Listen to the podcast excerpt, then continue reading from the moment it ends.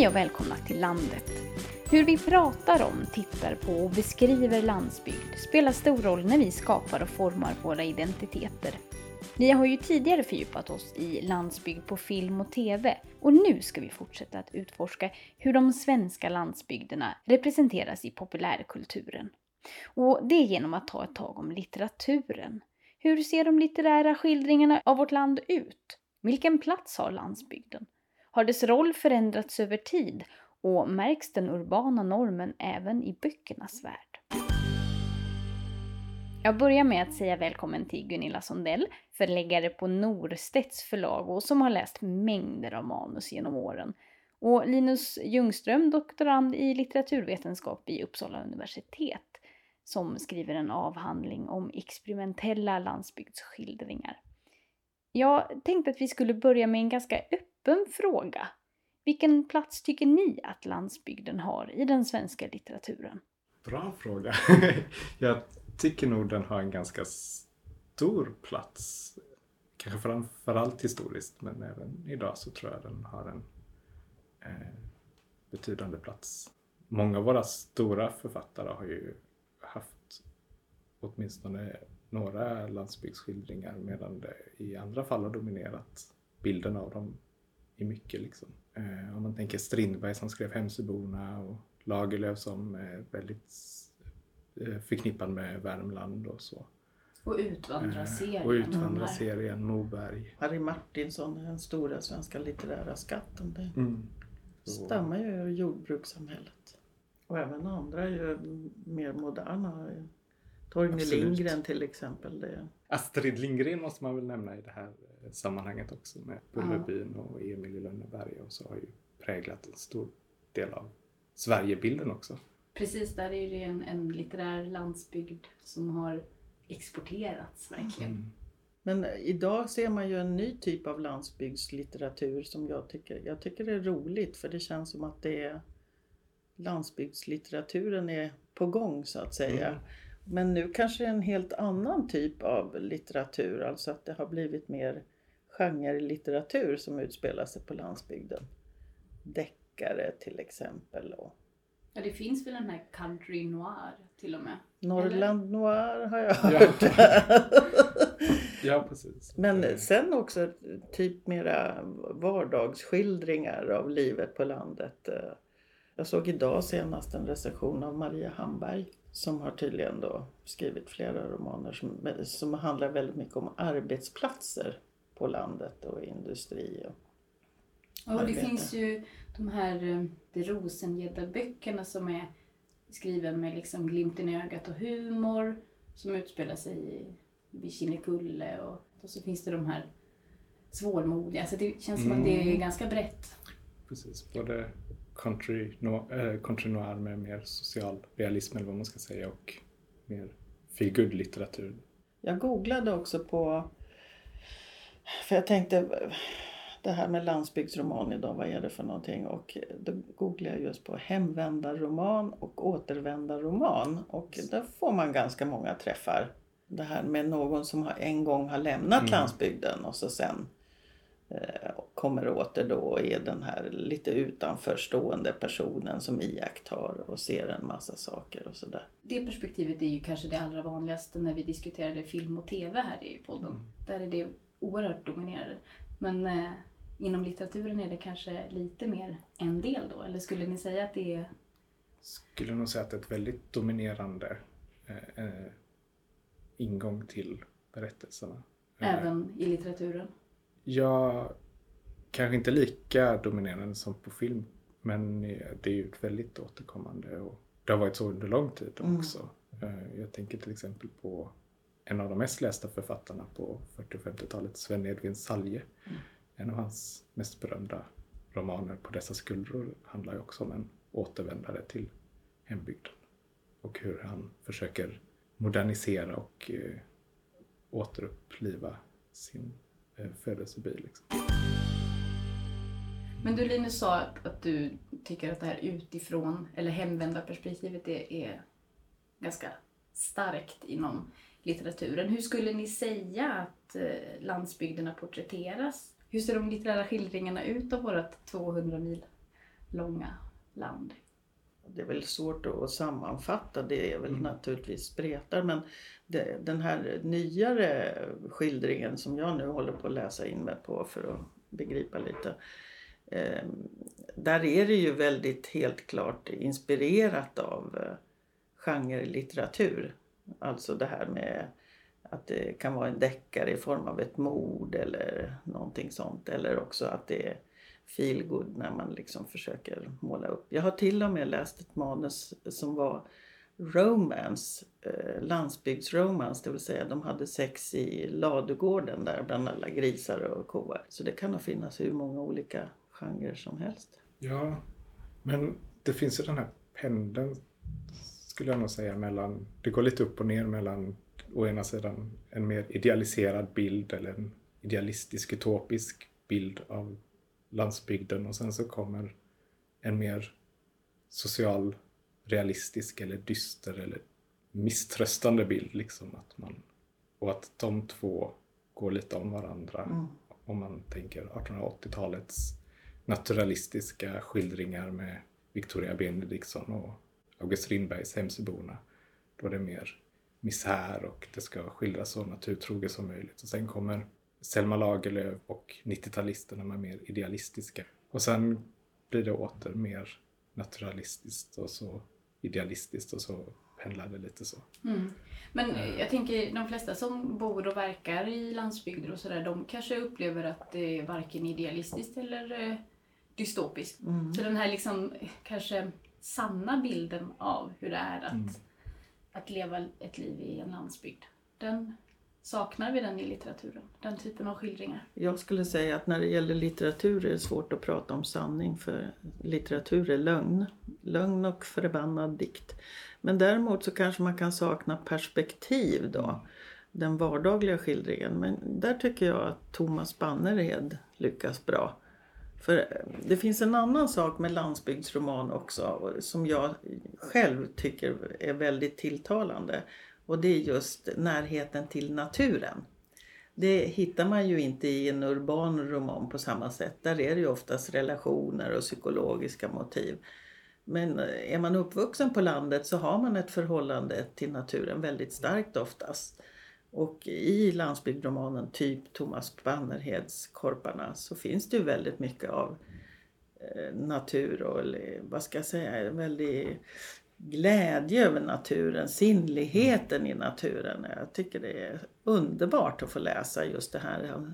Det är ju inte bara att det ska skildras en vardag med om det är så att man jobbar på ett jordbruk eller så, utan det finns ju andra aspekter på landsbygden också. Och det är ju ett exempel på en roman där huvudpersonen är inte en hemvändare utan är, bor och lever i den här miljön och har det här, den här relationen till naturen liksom, som är verkligen en ja, men, intim och väldigt påtaglig relation.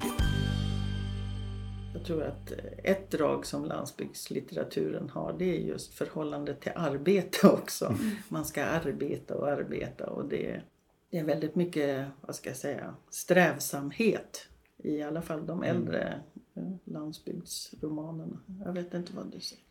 Jo, men också vad det kan få för konsekvenser med den mm. strävsamheten och om man inte vill ha den här strävsamheten mm. eller gå vidare i släkternas fotspår mm. och liksom bli den som bryter flera sekler av mm.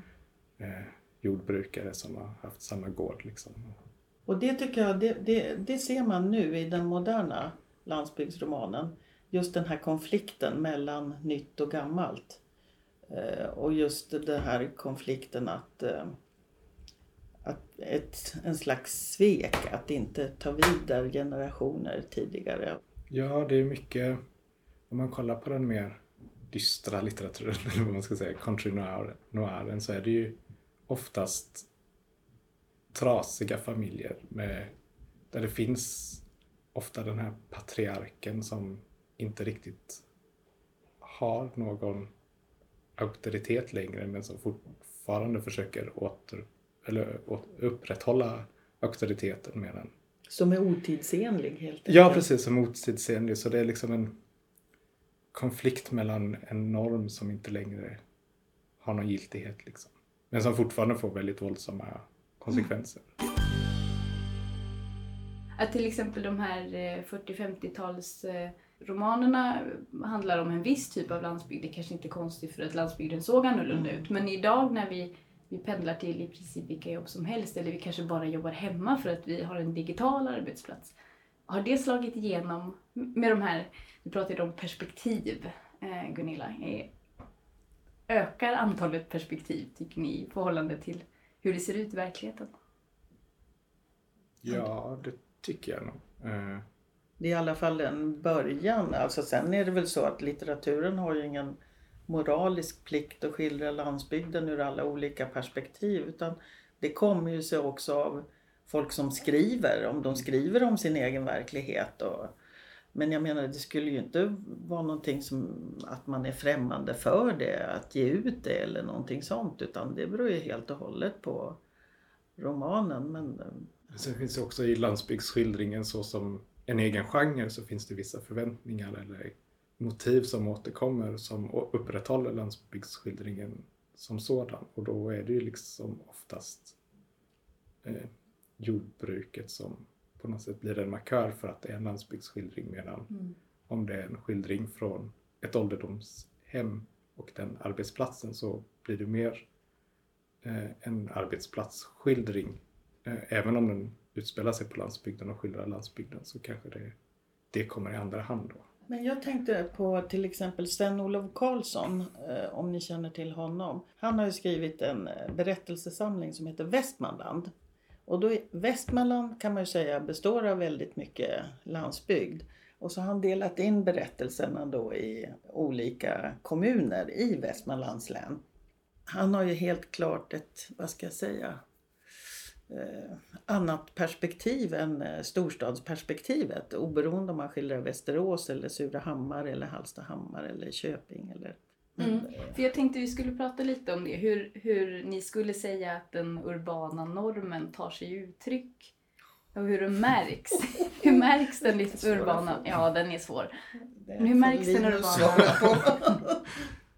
ja, men det kan ju vara den här eh, känslan av att platsen där man bor och lever inte har något direkt värde.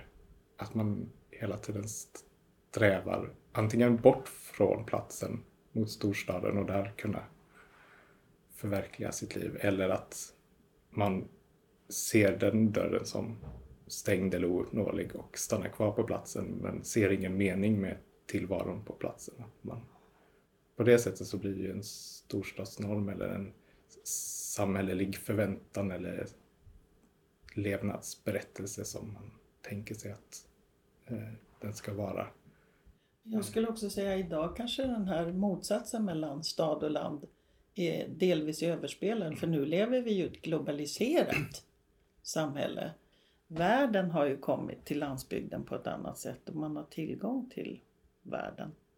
Jag tänker också på, det finns en ung författare som har skrivit om ungdomar i Jämtland som söker kickar sådär då. Eh, men liksom är ändå fast förankrade i den jämtska landsbygden. Så att eh, det behöver ju inte vara så att man eh, eh, vad ska vi säga, köper den urbana myten och den urbana livsstilen utan även om man har den integrerad i sig så att säga, att man vill vara ball eller hur man ska säga, så kan man ändå bo kvar på landet. Det låter lite befriande tycker jag, för många ungdomar upplever ju att det finns en väldigt stark förväntan på att de behöver flytta och sådär. Då kan det vara lite skönt att få känna att jag kan få vara ball fast hemma. Ja, utan att oh, behöva ja. dra till Stockholm. Ja då, det finns många prov på det. Man kan vara byggd original också, det är inga problem. Nej, det är fint det. Mm. Efter nomineringen till Augustpriset 2018 nu i höstas så sades det att det skulle bli ett år att minnas eftersom de nominerade i flera fall var oväntade. Och när en av böckerna, Jag får ner till Bror av Karin Smirnoff recenserades av de två stora dagstidningarna blev i alla fall jag väldigt nyfiken på att läsa boken själv. för att göra min egen bedömning. Jesper Högström i DN hittade bara stereotyper och klichéer i romanen. Alltså att den var skriven med en blick utifrån. Medan Therese Eriksson i Svenska Dagbladet tvärt emot, tyckte att det var en initierad skildring av landsbygden. Håller ni med de här två? Ja, alltså, jag vet inte vad du säger men jag eh, utgår från att den här boken ska, eller romanen ska man inte läsa realistiskt. Det finns en nyckelmening i någonstans mitt i romanen där det står ungefär att eh, detta eviga återberättande som står som en mur för eh, en annan typ av samtal. Och det är lite grann vad jag tolkar den här romanen som att den handlar om. Det vill säga den här mytbildningen man kan skapa om sig själv utan att ta itu med saker och ting. Läser man den ytligt så kanske man tycker att det är effektsökeri. Men jag tolkar det som att den handlar just om berättande. Båda de här recensenterna har väl fångat något hos romanen. Eh, det är liksom en ganska komplex huvudperson. Men det finns också ganska mycket klichéer eller genrekonventioner som inte alltid eh, motiveras på eh, mest trovärdigast sätt kanske.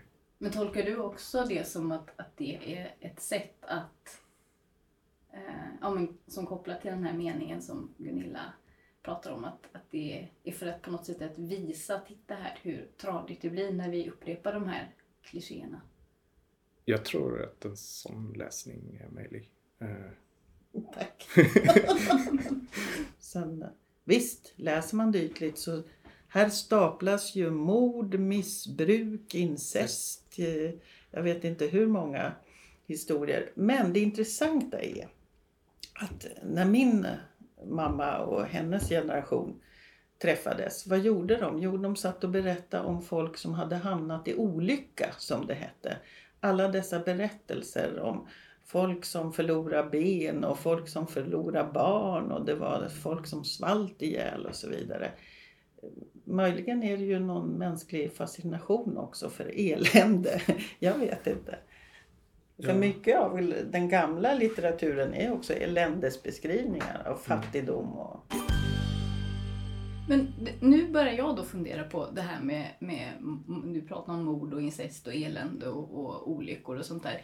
Kan det hä- hänga ihop med att om det har funnits en berättartradition som har varit starkare i landsbygderna än i städerna så har just landsbygdsolyckan förts vidare på ett starkare sätt än, än kanske i, i städerna för att där har man inte haft samma muntliga tradition.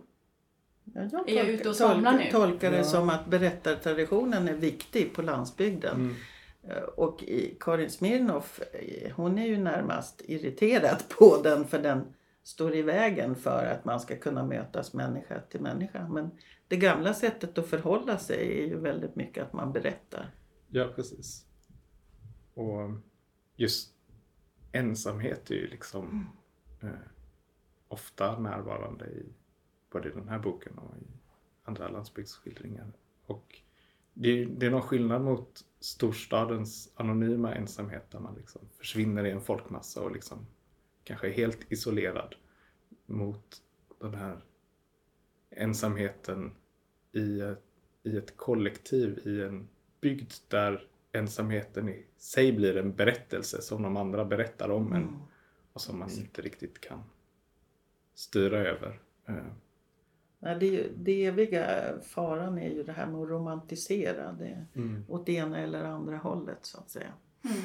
Men det är intressant det här du sa om att vardagsspråket eller att, de, att språket står på- i vägen för eh, gestalterna att komma nära varandra och så. Och det är något som en av de författarna jag har undersökt, Tage Aurell, ofta försöker eh, hantera den problematiken eller liksom beskriva den. att Han försöker verkligen lyssna in vad folk säger med de här vardagsgesterna eh, och liksom och försöker lyssna in vad, vad är det folk egentligen vill säga genom att prata om de här futtiga sakerna som, så försöker han lyssna in vad, vad är det för avsikt bakom. Mm. Och i Smirnovs fall är det ju, vad är det de inte säger? Ja, precis. Vad är det man utelämnar genom att berätta myten om sig själv och sin historia? Eh, Jag är dotter till en historieberättare och när man har hört de här historierna om och om igen och speciellt nu när pappa är gammal så kan han inte hantera historierna på samma sätt som han kunde tidigare. Då märker man ju vad är det egentligen som är ursprunget till berättelsen. Och det är ju oftast någon stark händelse som man på ett eller annat sätt försöker förhålla sig till. Och jag tänkte på det finns en fransk psykoanalytiker, Jacques Lacan, han säger det finns ingen sanning, det finns bara lögn.